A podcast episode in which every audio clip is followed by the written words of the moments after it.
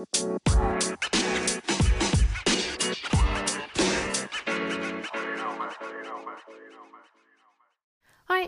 mijn naam is Janneke en welkom bij mijn Positief met Pubers podcast. De podcast waarin ik elke week vragen van ouders beantwoord over het opvoeden van pubers. Iets wat ik geweldig vind en waar ik gewoon heel blij van word. Ik denk graag met je mee, geef je concrete suggesties die je direct kan toepassen in jouw situatie. Mijn doel met deze podcast is jou te inspireren en te triggeren om anders te gaan kijken naar je puber, anders te gaan praten tegen je puber en anders om te gaan met puberproblemen. Heb je zelf een keer een vraag of een suggestie? Ze zijn altijd welkom. Je kan me vinden op Instagram op Janneke underscore, je pubercoach, of stuur mij een mailtje via info.conductien.nl. Nou, gaan gauw naar de podcast, aflevering van vandaag. Veel luisterplezier. Lieve groet. Hey, wat leuk dat je weer luistert naar de Positief met Pubers podcast. Deze podcast eentje waar ik me eigenlijk zelf wel heel erg herken in niet zozeer de kant van moeder of van ouder, want het zijn meer moeders die de vraag hebben gesteld of die ermee kwamen, maar vanuit puberkant. En dat is wel een hele leuke, want um, in de afgelopen weken, de afgelopen periode, de, de, examenperiode, heb ik meerdere vragen gekregen van ouders die ja, allerlei emoties ervaren rondom de examens van hun puber. En daar waar sommige ouders tegen mij zeiden van... Goh, mijn puber is zo gestrest en uh, is bang dat ze niet slaagt. Die kant. Maar er waren ook ouders die zeiden...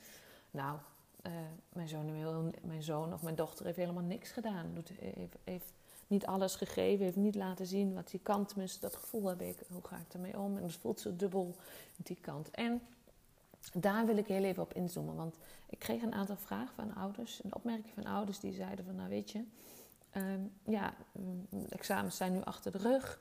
Maar ik weet niet of ik wel trots kan zijn mocht mijn zoon of mijn dochter gaan slagen. Want ik weet dat hij, naar, naar mijn idee, niet veel heeft gedaan. En dat zeggen ze dan zelf ook. Maar ja, hoe ga ik daarmee om? Wat kan ik doen? En, en dat, dat, dat vinden ze dan wel moeilijk. Wat ik ook wel snap. En, um, en ergens zijn ze ook wel heel benieuwd als ze slagen. Maar toch dat stukje van, ja, maar oké, zijn ze geslaagd en dan ben ik dan blij. Weet je, moet ik dan blij zijn? Moet ik dan. Want gevoelsmatig denk ik dat niet. Dus dat stuk. En ik weet niet of je je erin kan verplaatsen, maar daar ga ik even op inzoomen. Omdat ik daar meerdere vragen op heb gehad. Nou ja, goed. Ik moest uh, even terugdenken aan mijn eigen puberteit. En ehm, hoe ik mijn examens heb gedaan. En misschien herken je er dan wel het een en ander in. Misschien is dat voor jou, uh, herken jij wat, hoe de moeder nu denkt, van, dat jouw moeder dat ook heeft gehad. En misschien denk je wel, nee, nee, weet je, ik heb echt mijn best gedaan voor mijn diploma. En denk je er meer op die, kant, op die manier op. En ik kan mij heel erg herkennen in de pubers die niet zoveel hebben gedaan. Want ook ik heb op de middelbare school niet zo heel veel gedaan. Begin van de derde klas, nou ja, als je mijn podcast een beetje volgt, en dat heb ik al vaak gezegd. Begin van de derde klas is mijn vader overleden. Nou ja, en school, dat vond ik nooit echt super belangrijk. Maar ook in die derde klas, de beginperiode met name, had ik echt zoiets van: nou ja, weet je, ik vind het allemaal wel prima. Zak maar in de. met school. Ik, uh, ik ga mijn focus leggen op andere dingen. Die vind ik veel leuker. Dus waarom zou ik met school bezig zijn? Dat. Ik had wel altijd dat doel dat ik juffrouw wilde worden. Maar ik had geen zin om er heel veel voor te doen. En dat heb ik dan ook niet gedaan. Dus uh, op een gegeven moment stond ik zeven onvoldoendes of zo. En nou ja, die heb ik uiteindelijk weggewerkt naar. Ik denk dat ik nog twee onvoldoendes had aan het eind van het jaar. Dus toen heb ik iets beter opgelet in de les. Dat weet ik nog. Ik, ik heb mijn huiswerk gemaakt en beter opgelet. Dat betekende niet dat ik extra veel ging leren. Want dat, daar had ik nooit zin in. Ik had liever zin om wat andere dingen te doen. Dus hoe ik dat uiteindelijk voor elkaar gekregen heb, ik weet het niet. Ik denk dat het vooral inderdaad in die les was. En dat ik in gesprek ging met mensen over onderwerpen. En dat ik daarom uh, dat het beter ging. Maar dat durf ik zo niet meer te zeggen. Nou ja, goed. In ieder geval de vierde klas, examens kwamen eraan. En ook toen, richting examen. En ik weet niet meer precies hoe ik ervoor stond. Maar ik ben heel blij dat de regelgeving toen nog niet zo was zoals de examen, examinering uh, nu is. Want toen moest je, nu moet je geloof ik... Uh, gemiddeld of voor de kernvakken voldoende staan of gemiddeld geen geen minpunten hebben. En dat was toen nog niet. Toen kon je met je examen nog heel veel goed maken. En dat was heel erg in mijn voordeel. En ik heb met mijn examen net zoals veel berichtjes die ik kreeg, net zoals de pubers van moeders waar ik de berichtjes van kreeg, oh dit gaat heel lekker. Niet zo heel veel gedaan. En ik vond dat ook niet zo belangrijk. Ik had echt zoiets van, nou, ik denk wel dat ik slaag en nou, komt wel goed. Mm, dan doe ik een herexamen, weet je, zo zat ik erin. Achteraf denk ik van, oh, ik heb echt wel vies mazzel gehad. Ik heb echt, echt net genoeg, net genoeg gehad. Ik had een vakkenpakket van zes vakken. Op de, ik heb MAVO gedaan, zes vakken. Op C en op D-niveau was dat toen nog. En ik had een vijf voor, ik weet niet eens meer welk vak, en vijf zessen. En daarmee was ik geslaagd. Het was een gemiddelde 5, 5, van 5,5. Dus was precies genoeg. Ik hoefde geen herexamen te doen. Ik hoefde helemaal niks te doen. Dus ik natuurlijk yes, super trots. Ik weet eigenlijk niet hoe mijn moeder daarin stond. Maar ergens doet dat in die zin ook niet naartoe. Want ja, weet je, mijn, mijn moeder wist dat, dat ik er niet zo'n zin in had. En dat ik andere dingen gewoon veel belangrijker vond. En dat maakte ook dat ik de noodzaak niet voelde om hard te werken voor mijn diploma. Want de zes is toch ook genoeg. Want ergens wist ik wel, ik heb dat diploma nodig om, om verder te komen, om uh, naar het MBO te kunnen. Maar ik wilde er niet te veel moeite voor doen. Ik had echt, echt, echt die zesjesmentaliteit. En, en, en ik denk dat dat in de meeste gevallen bij, bij jouw puber, mocht je je herkennen in de situatie zoals ik in het begin geschetst heb, dat je puber niks doet. Ik denk dat die noodzaak er ergens toch wel zit voor je puber. En dat je het dat ze ook wel beseffen dat ze dat papiertje, want het, is, het voelt voor mij echt als een papiertje, nodig hebben om verder te kunnen. En ik denk dat, dat jouw puber dat ergens ook wel heeft. Hij of zij wil ook verder, neem ik aan. En weet dat hij daarvoor zijn diploma moet halen. En, en dat is het stukje waar, waarbij je de verantwoording bij hem neer moet leggen. Want, of bij haar neer moet leggen. Want jij kunt dat examen niet voor hem maken. Jij kunt wel voor hem gaan leren, maar daar heeft hij of zij niks aan. Dus dat is belangrijk dat je dat meegeeft. Dat je er voor, voor ze bent. Dat ze op het moment dat, je, dat ze het nodig hebben. En dat je ze met alle liefde willen ondersteunen. Maar dat zij degene zijn die daadwerkelijk die stof tot zich moeten nemen. En daadwerkelijk het examen moeten maken.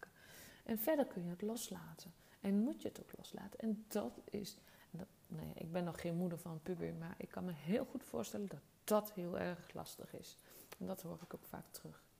En als je het dan hebt over dat stuk wel of niet trots of blij voor je kind kunnen zijn dat ze je diploma hebben gehaald, weet je. Misschien is het dan een suggestie dat je gaat kijken, oké, maar welke stappen heeft mijn puber gezet om uiteindelijk dat diploma te halen. Dus dat je misschien trots kan zijn op het proces. Weet je, die stappen die je puber heeft gemaakt. Ehm, die, die vier, vijf, zes jaar, misschien zeven jaar op de middelbare. Weet je, die stappen, al die stappen bij elkaar, die ontwikkeling heeft ertoe geleid dat ze de persoon zijn die ze nu zijn. Die heeft ertoe geleid dat ze dat diploma hebben behaald. Niet alleen dat eindexamen, het is een proces. Dus wanneer je niet trots kan zijn op zijn prestaties met het examen aan zich. Kijk dan of je trots kan zijn op zijn gehele ontwikkeling op de middelbare school. En dan weet ik zeker dat je die, dat trotse, dat blije gevoel wel kan voelen. En dat is dan wat dan ook mag domineren. Dus ik denk dat je daarin voor jezelf een shift kan maken. Want ik weet zeker, dat weet ik echt 100% zeker, dat ook jouw puber in die tijd op de middelbare school dingen heeft geleerd die hij eerder niet wist. En aha-momenten heeft gehad en echt een leermoment heeft gehad waarvan ze zeggen: Oh, hier heb ik echt wat aan.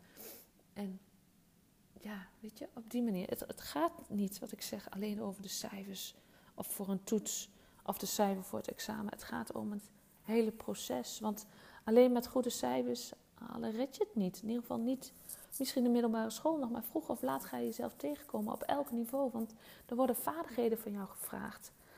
En, en, en in toetsen worden ook op andere manieren op een gegeven moment vragen gesteld. Dus in die zin is het aan jou om die shift te maken. Om te kunnen kijken, oké, ik ben trots op het proces. Op de stappen die hij heeft gezet. Op, op de ontwikkeling die hij heeft doorgemaakt. En dan voel ik het niet aankomen, sorry. Nee, hij komt niet. Ja, het is allemaal een one-shot uh, podcast. Dus ik ga ook niks, uh, niks editen. En, dus je krijgt alles, uh, alles mee. Dus om even terug te gaan. kijk en onderzoek voor jezelf of je trots kan zijn op het proces. De stappen die je puber heeft gemaakt gedurende de, zijn of haar periode op de middelbare school. Want ik weet zeker dat, hij, dat jouw puber daar dingen heeft geleerd en zich ontwikkeld heeft als persoon. En dat heeft hij haakjes ook nodig gehad om te kunnen slagen. Het gaat niet alleen om de cijfers. De cijfers voor een toets of voor het examen. Ja, maybe it helps. Maybe kun je er wat mee. En laat me dat ook vooral weten. Laat me weten of je met mijn inzicht, mijn visie, uh, of je daar verder mee kan. Of je dan wel die shift kan maken. En ja, weet je, de andere kant, die heb ik nog niet eens benoemd, is natuurlijk dat je puber niet slaagt. En dan kun je dat gesprek weer aangaan. Weet je, oh, het is heel vervelend voor je. Nee, welke woorden je er ook aan wil geven. Ik zal iets meer lading aan geven. Maar het is heel vervelend voor je. Oké, maar welke stappen en wat heb jij nu nodig om volgend jaar wel dat diploma te kunnen halen? Om wel te kunnen slagen, om wel door te kunnen in de richting wat je graag wil. En, of dat tussenjaar te nemen, nou, wat je ook wil. Dat is natuurlijk de andere kant. Goed? Ik hoop dat het helpt. En dat je hiermee verder kan, dat het je inzicht gegeven heeft. Dat je anders kan kijken weer. Want dat is natuurlijk mijn doel, mijn missie met, met alles wat ik doe. Jou op een andere manier laten kijken naar je puber, naar de puberteit. Zodat het tussen haakjes wat gemakkelijker wordt. Ja? Dankjewel weer voor het luisteren. En tot de volgende keer.